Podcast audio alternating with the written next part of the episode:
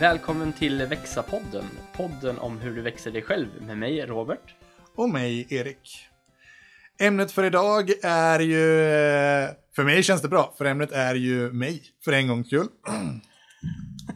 Så att jag lämnar väl tillbaka stafettpinnen. Vad ska vi prata om idag, Robert? Ja, ehm, vi...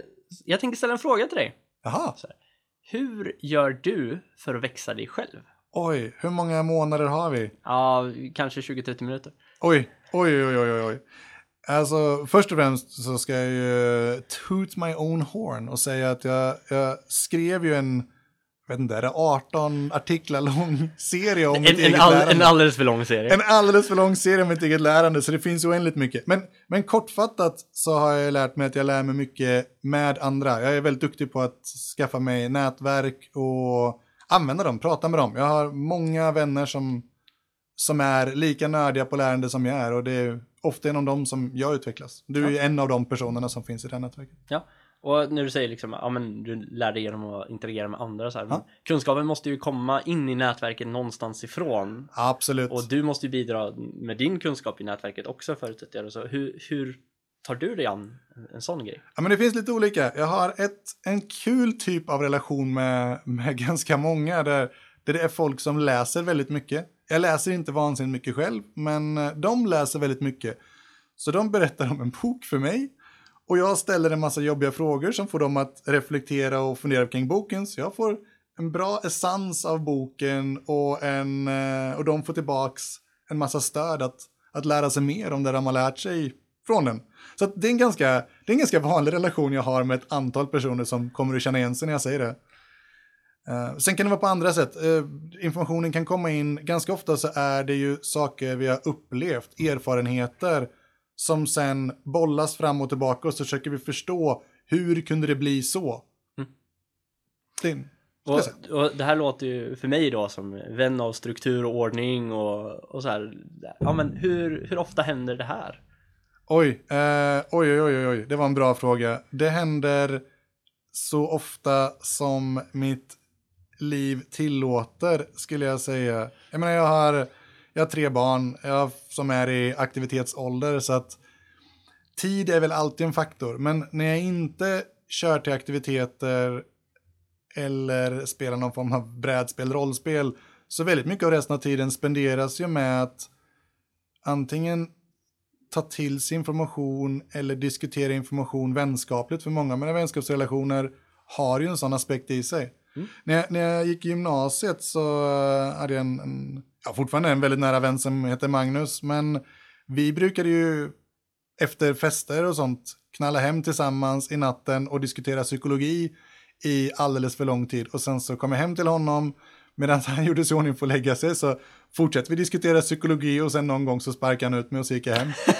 så att eh, det har liksom hållit på så ganska länge, det här är ju gymnasietid. Ja, så det, det är ganska många år som du har haft ja, men ungefär samma approach till, till ditt eh, växande. Ja, men jag lärde mig då, jag, innan gymnasiet så hade jag, inte, hade jag inte riktigt kompetensen att göra det, utan det kom under senare delen av gymnasiet och sen har det liksom växt sen dess. Det finns ju en massa små steg som har fått mig att komma till där idag, om man säger, med, med förståelse.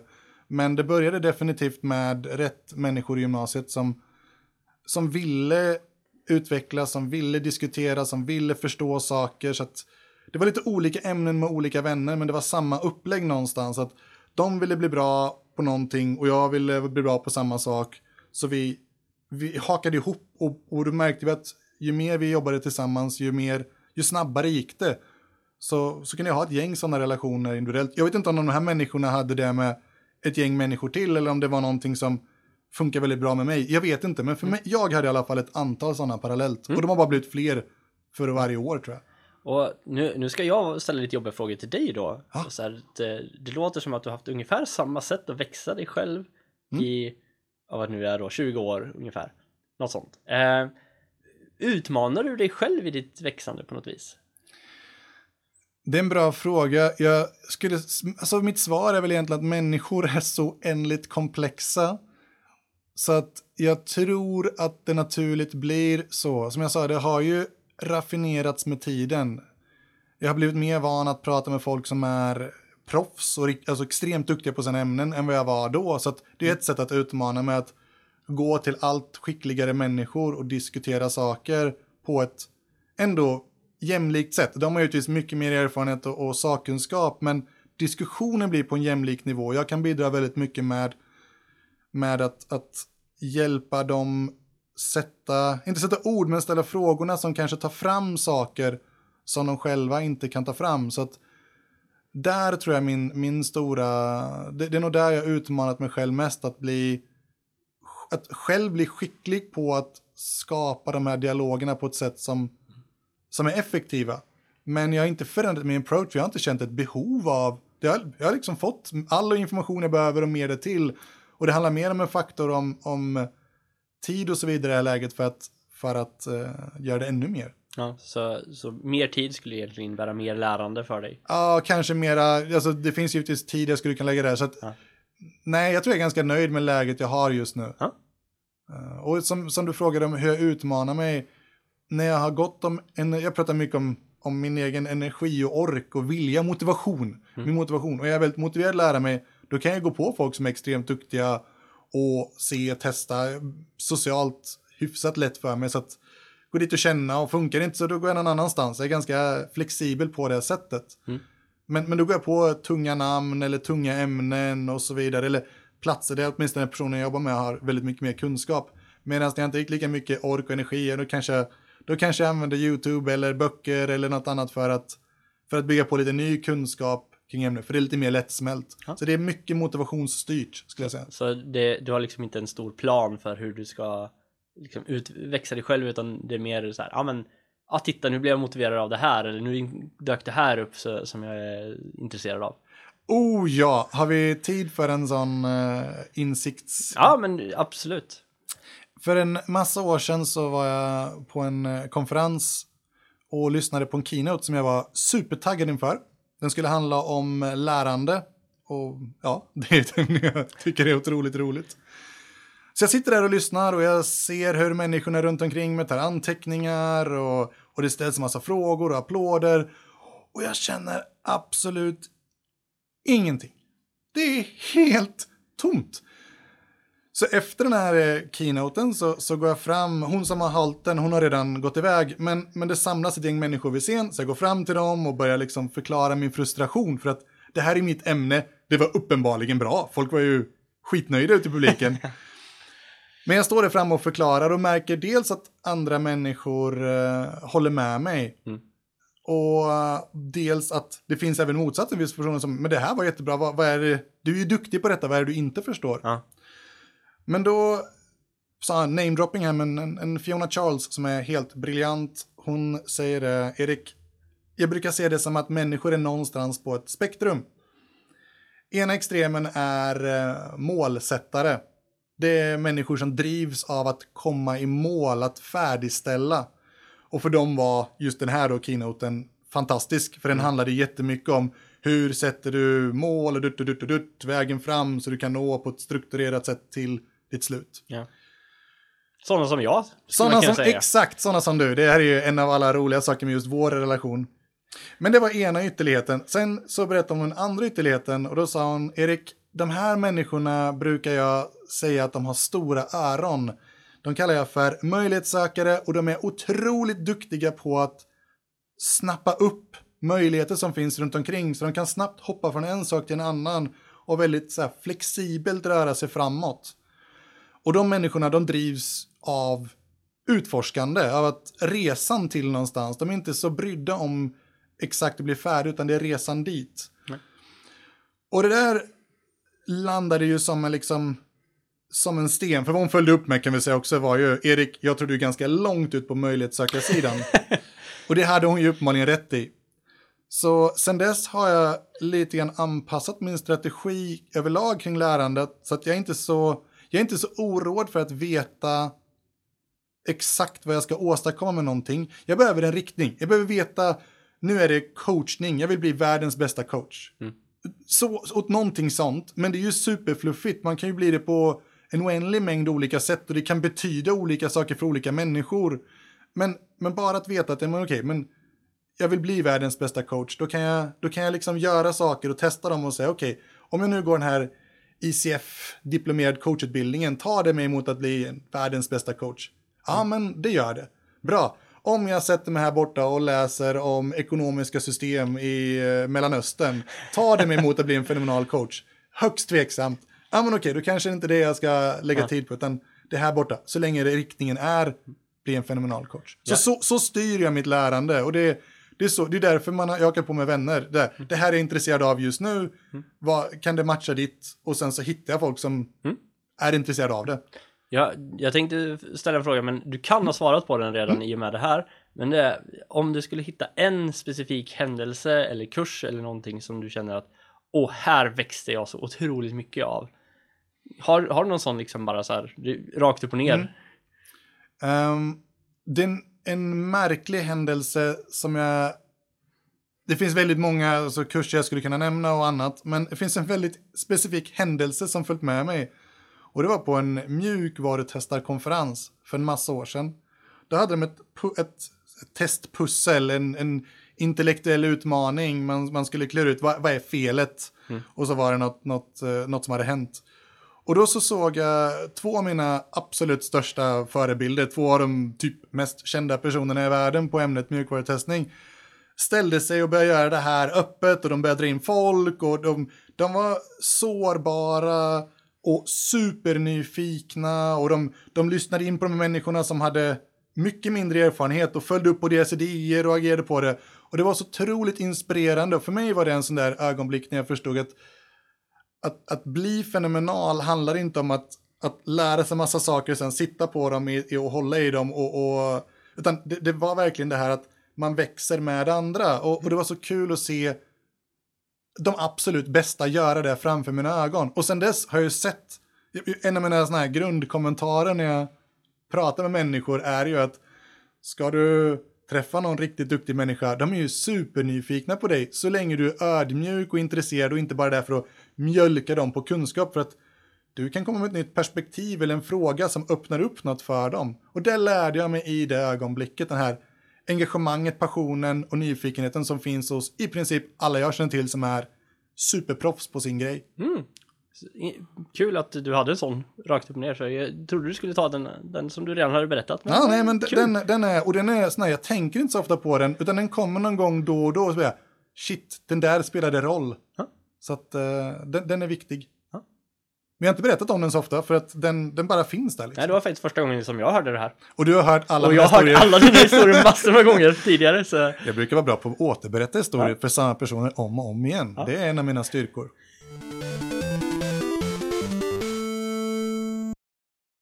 Eh, vi har varit inne lite på det, liksom att du, och du kommer in på det ganska mycket tycker jag. Liksom, ja, men hur växa andra också?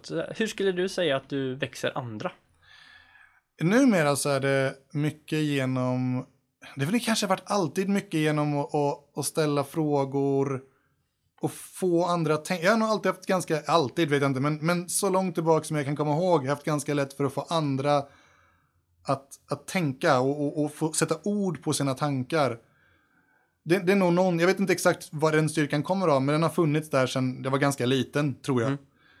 Så det är nog mitt starkaste sätt. Sen beror det på, jag menar jag har varit mentor för att jag varit, de ämnen jag blir nyfiken på tenderar jag att bli extremt nördig på. Ja, precis.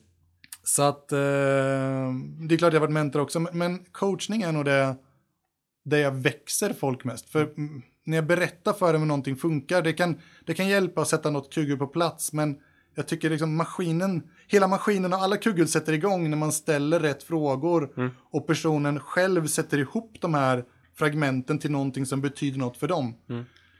Så att, Och du, du säger liksom att ja, men det här är någonting som du e- egentligen alltid Ja. inom cita stora citattecken har gjort. Eh, skulle du säga, för jag vet ju att du, du var inne på det själv förut med ICF eh, coach Mm. och du har gått andra coachkurser. Skulle du säga att de har förändrat någonting eller bara stärkt det som du redan hade? De har, alltså, å ena sidan har de givetvis stärkt saker jag hade. eh, och inte minst för att jag har läst så mycket om coachning när man kom dit. Men den stora skillnaden tycker jag som jag har blivit mer, för, för sagt var, det är ju inte, jag gick ju inte coachkurser och läste så mycket coachböcker när jag var i gymnasiet. Det kom lite senare, då läste jag mer om hur jag, alltså min egen personliga utveckling. Men det coachträningen har gjort är att Den har gett mig förmåga att kliva ur och inte riktigt ha en stake i saker. Mm. Eh, Utan jag kan verkligen bara jag kan fokusera på att bara få den andra att få fram rätt saker och sen lite passivt få nuggets att hänga med hos mig själv också. Men, men processen i sig har blivit mer intressant än, än utfallet ofta. Mm. Och jag vet ju också om att det är ganska lite som andra säger som, fast jag ska vara helt ärlig och säga att mitt lärande är väldigt, jag vet inte om egoistiskt är rätt, rätt sätt att vara, men jag, jag kan sitta och prata med någon i 20 minuter och de, de, de, jag låter dem prata, i, de, det är inte så ofta de pratar i 15 av de 20 minuterna, det vet du lika väl som jag. Men även när det är så, så är det oftast från de fem minuterna jag pratar, det är där saker landar. Och sen kan ju de, det jag säger kommer ju av deras frågor eller deras kommentarer eller deras resonemang. Men jag behöver liksom säga det själv också för att det ska landa och för att jag ska hitta mitt sätt att kroka upp det. Ett väldigt extrovert tänkande på det sättet. Ja. Men och då är det ju så här. Är det inte svårt för dig liksom då att kliva ur och bara fokusera på processen när du pratar med personer som du faktiskt ska hjälpa och lära sig saker eller hur? Det är nästan befriande, för det är nästan tvärtom att, Okej. att jag kan sitta och ha så här, åh, nu träffar jag någon som är jätteduktig, jag vill lära mig den personen. Och sen så tio minuter senare så inser jag att jag har pratat nio och en halv av de tio minuterna. Ja. Och det är så här, skulle inte jag lära mig av den personen? Och nu har jag bara pratat. Ja. Så att nu när jag lite mer kan ta ett steg ut, fokusera på processen. Och jag vet, jag pratar med många coacher som säger samma sak, att man pratar mycket mindre om sig själv ju bättre man blir på coachning. För att du blir väldigt duktig på, det är ganska intressant. Så, så, så när ska du bli bra på coaching då Erik? Nej men, nej men, eh, nej men på, på riktigt så, jag pratar jättemycket, det vet ni som vet vem jag är. Och det, de som lyssnar på det här avsnittet märker ju också det. Jag tror att det är svårt att missa. Ja. Men det är också, det är något, jag vet inte hur det funkar riktigt, men det är många som har sagt, kanske inte när jag var liten, för det finns, på tal om viktiga händelser, finns det andra viktiga händelser, men, men jag har ju lärt mig genom åren att, att lyssna. Ja. Så att även om jag pratar väldigt mycket så har jag ofta folk säger, du pratar väldigt mycket, men du är bra på att lyssna också. Och jag, jag vet inte exakt hur det går ihop. Nej, det behöver ju inte finnas ett, en motsats till det egentligen. Det är ju bara att jag tror att det är en, så, en sån föreställning som vi har att de som pratar mycket lyssnar lite. Mm. Eh, jag tror absolut att man kan både lyssna och prata, kanske inte samtidigt för det är svårt för någon annan att få en syl i vädret när man sätter igång och pratar. Eh, men, men just det här att det är, jag ser inget motsatsförhållande i att kunna prata och lyssna. Jag, tror, jag har en annan, nej precis, jag har en annan teori där. Och det är att, eller teori, det här är ju eh, väl all, hyfsat allmänt känt, men oftast lyssnar vi ju väldigt ytligt. Ja, Och det gjorde jag också när jag var liten. Jag vet inte, det, det, jag fick en hel del, definiera liten Erik. det var, det, var, det var några nyckelhändelser i högstadiet gymnasiet som fick mig att börja gå mot att kanske inte, att faktiskt lyssna lite bättre. Ja. Men, men jag, eftersom folk spenderar väldigt mycket tid med att lyssna ytligt och vänta på att säga någonting så tror jag, och det kan jag också göra, men jag tror att när jag lägger manken till så är jag väldigt duktig på att spendera väldigt stor del av mitt lyssnande i ett, i ett aktivt läge där jag faktiskt tar till mig och kan besvara personen säger och ställa relevanta frågor som inte kommer av att, som, som, jag faktiskt har lyssnat på personen genom hela. Så att jag tror att även om jag pratar mycket så en väldigt stor del av mitt lyssnande är ganska aktivt och engagerat. Jag tror det, där någonstans kommer det att kunna prata mycket men ändå upplevas som en ganska duktig lyssnare samtidigt. Tror jag. Men det låter ju väldigt, väldigt... Jag har ju tusen svagheter men jag tror att det är en av mina styrkor. Jag har fått för mig det i alla fall genom alla år. Eh, så om vi liksom ska prata lite om hur du får andra att växa, vilket Ja, var vad vi började frågan. Och jag har redan vänt till mig själv. Ja, ja, det, är- det är helt okej för du vände, när jag frågar om dig så vände du till att du försökte ta hjälp av eller hjälpa andra också så är det så här, eh, det är helt okej. Eh, frågan som jag skulle ställa var, vad, vad tror du att du, du skulle kunna växa dig själv som mest för att kunna hjälpa andra att växa? Det blir liksom en, en Mm. dubbelfråga, men eh, Mm, men jag jobbar fortfarande mycket på den här balansen, framförallt i de ämnen jag kan, på hur, hur och när så...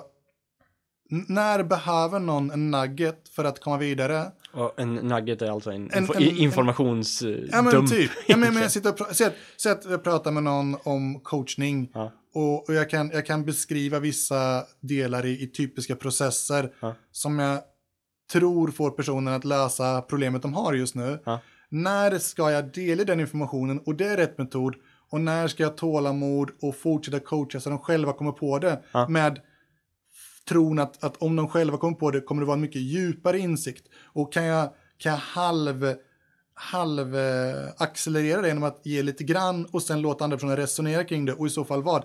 I den realmen tänker jag väldigt mycket just nu, väldigt medveten när jag möter folk. Ja.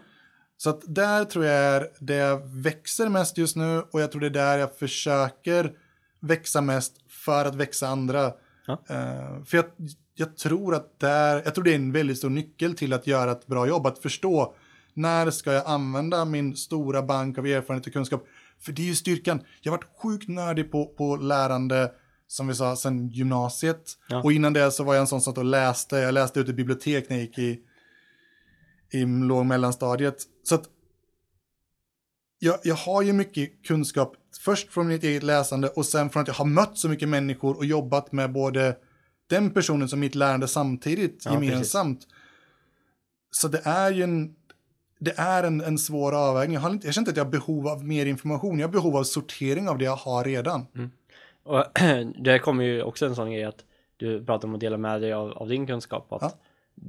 Jag upplever i alla fall att du är väldigt generös med att dela med dig. Tack. Eh, och jag tror att någonting, nu kommer lite feedback till dig så här eh, spontant, eh, att någonting som du kan jobba på är liksom hur mycket du delar med dig av. För eh, du tipsade mig om så här, ja men så här lär, lär jag mig och sen var det 18 artiklar om lärande och så här.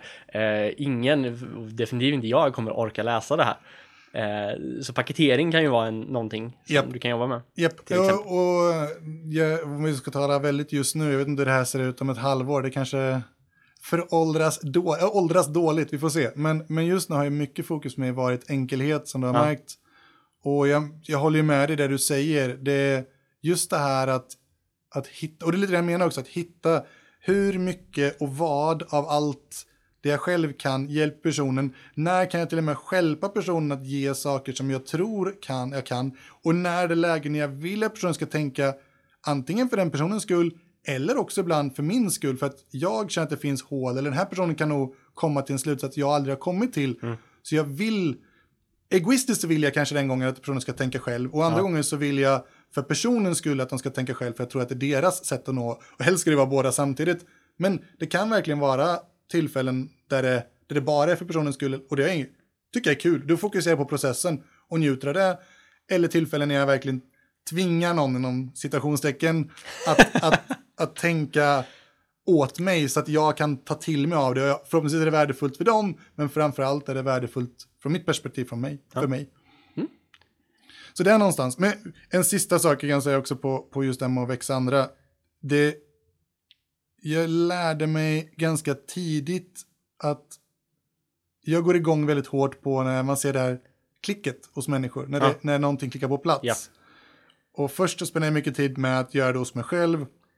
Och sen märkte jag att om jag kan göra det för en grupp så är det, det se tio klick på flera ställen eller använda det bästa jag har hos någon annan har ju en stor chans att generera det här klicket hos dem och det är otroligt tillfredsställande för mig.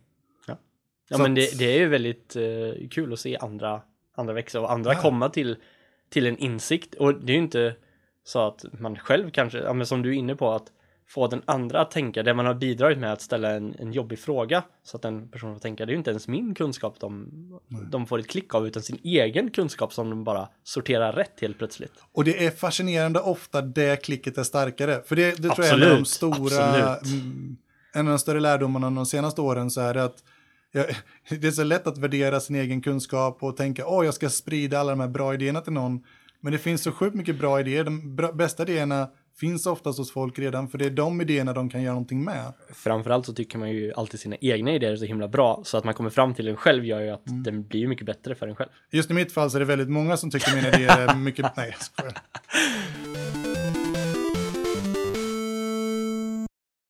Jag, jag tänkte vi ska avsluta med en, en fråga. Eh, eller snarare, du ska få ge två konkreta tips Mm. till andra som vill växa sig själva.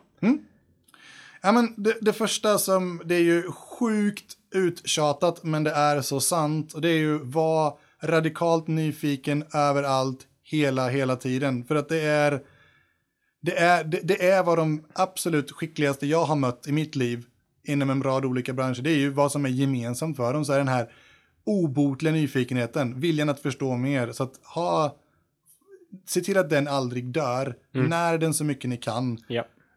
Fake it till you make it i värsta fall. ja, men alltså, för nyfikenhet är så viktigt. Det är första. Den andra skulle jag säga är, om, om du talar min styrka, att, som jag tror i alla fall är min styrka, att, att få information från andra och ha med dialogerna, det är att alltid bemöta alla människor med en, en, en lagom dos respekt. Bli inte någon annan så att du liksom sätter den här personen på en hög, hög pedestal.